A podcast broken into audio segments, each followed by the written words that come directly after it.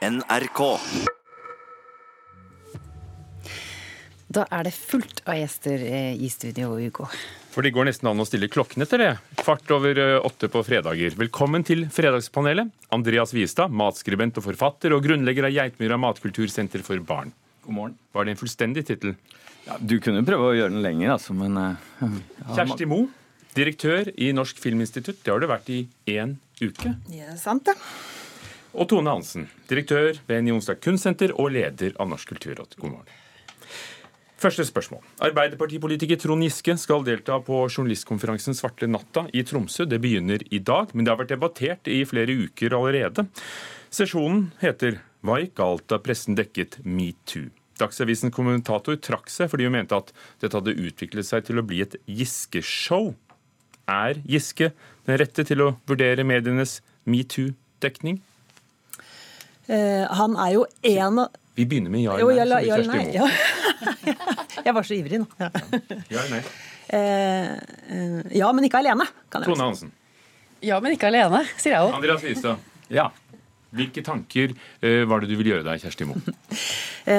Han er jo definitivt en av de som har vært dekket av pressen i metoo. Eh, og jeg har sittet, vært redaktør i jeg husker ikke hvor mange år det er, men jeg har også sittet i styret i Redaktørforeningen i fem år. Jeg gikk av nå i vår. Og du kom fra Egmont-gruppen Ja. og ansvarlig redaktør der. Ja. Um, og det er klart at um, Dette er et arrangement for journalister og redaktører. Uh, og det å også ha inne de som blir omtalt, uh, også på den måten som Giske har vært uh, inne og høre hvordan de har opplevd det, det har høy verdi. Uh, for å bli uh, klokere, uh, bedre osv. Og så er det klart at det som har vært av eh, opptredener fra Giskes side nå med sin versjon. Det har vært eh, en dokumentar, eh, en bokutgivelse osv. Her møter, eh, møter han eh, journalister og redaktører, og ikke minst Kjetil Bragli Alstaheim, eh, som er politisk redaktør i Dagens Næringsliv, som var de første som begynte å omtale varslene mot Giske. Så at dette eh, er relevant og viktig og kommer til å bli interessant, det er jeg ganske sikker på. Ja, jeg, jeg tenker at, eh, at her har det vært en sånn type stillingskrig hvor man har, har eh, bare snakket en, leir har sittet et sted og, og sagt det de har villet, og en leir har sittet eh, et annet sted. Og, og jeg tenker at det ville være veldig interessant å sette, og det ville vært veldig flott hvis eh, også eh, Hege Ulstein hadde vært der, og, og, og du hadde fått en, en, en debatt det kunne eh, virkelig gnistret eh, av. Og, og det tror jeg ikke ville være en spesielt behagelig opplevelse for Giske nødvendigvis. Tone Hansen. Altså, jeg er jo litt lei av Giske, må jeg si, fordi det skygger jo fullstendig for saken og diskusjonen rundt metoo. Så sånn sett så er det jo litt spekulativt oppsett av Svarte natta, som jeg syns for øvrig er en veldig bra tittel for en konferanse i Tromsø. Det kunne vært en utstilling, nesten. Det kunne vært en utstilling, vet du. Men eh, så jeg er jo litt trøtt av det der. Jeg tenker at Hvis vi skal snakke om metoo og hva effekten av metoo har vært, så er det kanskje ingen av de som har vært direkte berørt av den saken som hadde vært best å lytte til, men da hadde det ikke blitt så spekulativt og så artig. Så vi får håpe at det blir en god diskusjon, som de ønsker seg, da. Altså, sånn, slik kommer man på innsiden av luksusprostitusjonsmiljøet og slike poster, så, så de, de kan sakene sine der. Det er også en om postjournaler. eh, Slik bruker du postjournaler. Så det er eh, noe for enhver smak. Jeg tror det som blir veldig viktig under den sesjonen i dag, og det er klart nå følger alle, eller mange, følger veldig med på hva, hvordan den blir håndtert. Eh, Og jeg tror hvis du skal holde deg til dekningen av metoo, og ikke røre deg inn i pølsefester eh, og Bar Vulkan og alt dette her som jo på en måte er blitt eh, en slags suppe, men gå inn i det som er metoo, da, som du sier. Eh, Så det, må være en eh, sterk møteledelse for å liksom holde eh, temaet fokusert dag. Kritikere mener at det er blitt ganske ensidig, særlig kanskje etter at Hege Ulstein fra Dagsavisen trakk seg. Fredrik Virtanen eh, og journalisten som laget et svensk oppdrag granskning eh, dokumentar om hvordan han ble skjøvet ut og var han et offer for dekningen, er, er, er også med. Kan det ses på som ensidig? Ja, ja, på en måte. Og, og det, det paradoksale er jo at det blir jo mer det eh, i større grad det etter at Hegge Ulstein har trukket seg. Så eh, jeg har jo respekt for hennes eh, begrunnelse og at hun velger å ikke, ikke stille opp. Men det, eh, det ville jo vært bedre eh, for balansen hvis hun hadde gjort det. Ja, men jeg opplever at Kjetil Bragli Alstheim er en utrolig relevant stemme.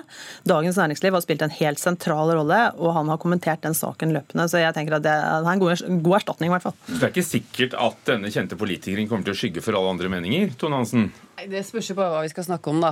Når du setter så utsatte personer i panelet, så kommer det selvfølgelig til å handle i stor grad om opplevelsen personlig. Og det er sikkert kjempebra å få den opp eh, fra mange sider, men eh, jeg hadde nå heller hørt på en diskusjon om eh, hva metoo faktisk har betydd, og hva den skal være med på å regulere av oppførsel fremover, som vi jo trenger både for menn og kvinner, tenker jeg da. Og litt hvor mye pressen visste i forkant. For det er litt flaut for alle, tenker jeg. At, at Giskes rykte var offentlig ganske kjent, og, og, det var jo vanlig at man holdt, holdt litt ja, var, var, forsiktig rundt den mannen. Og ja, eh, det kunne vært en interessant eh, diskusjon. Men det er jo akkurat der eh, Dagens Næringsliv blir en veldig interessant deltaker, tenker jeg da. Ettersom det var de som starta ballet, hvis man kan kalle det det. Ja, Det blir stort spenn da mellom postjournalsøk og, og Giskegate, tenker jeg. Det blir artig i Tromsø. Hva er rykter, hva er sannhet, hva skal skrives, hva skal holdes inne? Eh, nytt tema. Universitetet i Bergen har kuttet ut kjøtt til julebordet, til protester utenfra og noen innenfra. De gjør det for å redusere utslippene sine, sier de. 500 gjester får verken svin eller sau. Vi tenker at det er et veldig fint tiltak som setter oppmerksomhet på at vi òg må redusere kjøttforbruket vårt som institusjon. Så det blir jo litt et vekkelsesmøte. Universitetet er hardt råket av den klimavekkelsen som går over landet nå. En klimavekkelse går over landet, sier den ene ansatte ved universitetet her, førstebibliotekar. Bør flere arrangere kjøttfrie julebord, Tone Hansen? Ja. Andreas Vistad? Nei. Kjersti Mo? Gjerne for meg. Det var ganske kontant svar fra deg. Jeg tenker at det er eh, utrolig effektiv måte å adressere et viktig problem, men effektivt i feil retning. Du klarer å mobilisere så mye sinne ved å gjøre det akkurat på julemiddagen. Eh, eh, og, og, det er en, en måte å virkelig skape stor motstand mot eh, et grønt skifte. Og jeg tror kanskje ikke at Universitetet i Bergen har gjort forferdelig mye for å Eh, for å være mer klimavennlig og gjøre grønnsaker mer attraktivt. Jeg gikk inn og så på kantinemåltidene, det de spiser hver eneste dag. Og da er det jo typisk at eh, hver eneste dag så har du et vegetaralternativ, og det alternativet er den samme måltidet, bare uten kjøtt. Lasagne og vegetarlasagne. Eh, eh Kyllingtikka, blomkåltikka eh, osv. Så, videre. så jeg tror at det beste man kan gjøre for eh, miljøet, er å gjøre det veldig attraktivt å spise mer grønnsaker. Og kanskje du ikke skal begynne med å ha ribbemåltid uten ribbe. Bare surkål og poteter. tipper jeg at eh, Etter den modellen som de har valgt ellers, er, kommer det bare til å være surkål og poteter. Altså Det er jo stusslig hvis det bare er surkål og potet. Eh, men eh, det, vi har jo ikke fått høre noen ting om hva de skal servere. Og, og, det er klart Vegetarisk mat kan jo være veldig mange ting. Og folk har jo veldig mange ulike preferanser hva de vil spise når de kommer sammen med kollegaene sine. Så det er ikke alle som vil ha ribbe eller uh, pinnekjøtt heller. Så jeg syns det er et ganske interessant alternativ. Gitt at de henter inn gode folk til å lage god vegetarmat. Da. Men, Men du er jo sjef. Vil du tilbudt da et svinealternativ, akkurat som man så regel tilbyr et vegetaralternativ? Kanskje det. Jeg tror det hadde blitt veldig populært, da, det alternativet. De, de snakker ikke... jo i hvert fall ikke noe om hva de skal gjøre, de snakker om hva de ikke skal gjøre. Og, og du kan tenke deg at du kan lage et fantastisk julebord hvor du sier nå skal vi ha fantastiske grønnsaksretter og eh, frilansgris som har levd et godt liv og produsert på en bærekraftig måte. Eh, og da vil du lokke folk til å spise mye mer grønnsaker. Kjersti du har sikkert rukket å sitte på en del julebordskomiteer gjennom årene? Eh, nei, det vil jeg ikke si at jeg har. Du kom deg unna det? ja. eh, jo, jeg har arrangert en del eh, julebord. Og jeg må jo si at jeg syns jo egentlig at de eh, matmessig beste er der hvor vi nettopp har oppsøkt alternative løsninger, annet enn den derre ribbeklasken og de der eh, potetene. Eh, sånn at Du kan si at sånn miljømessig så er det jo ikke festmiddagene som kanskje er kjøttproblemet i, i verden. Det er jo kanskje jeg håper å si, det generelle forbruket. Men det å skape et festmåltid uten kjøtt tenker jeg kan være kjempeinspirerende for å synliggjøre at det finnes mange gode alternativ. Men akkurat den der ene middagen betyr jo selvfølgelig ikke all verdens for klimaet. Og på Vestlandet, det, altså, tenk deg, de spiser jo sau.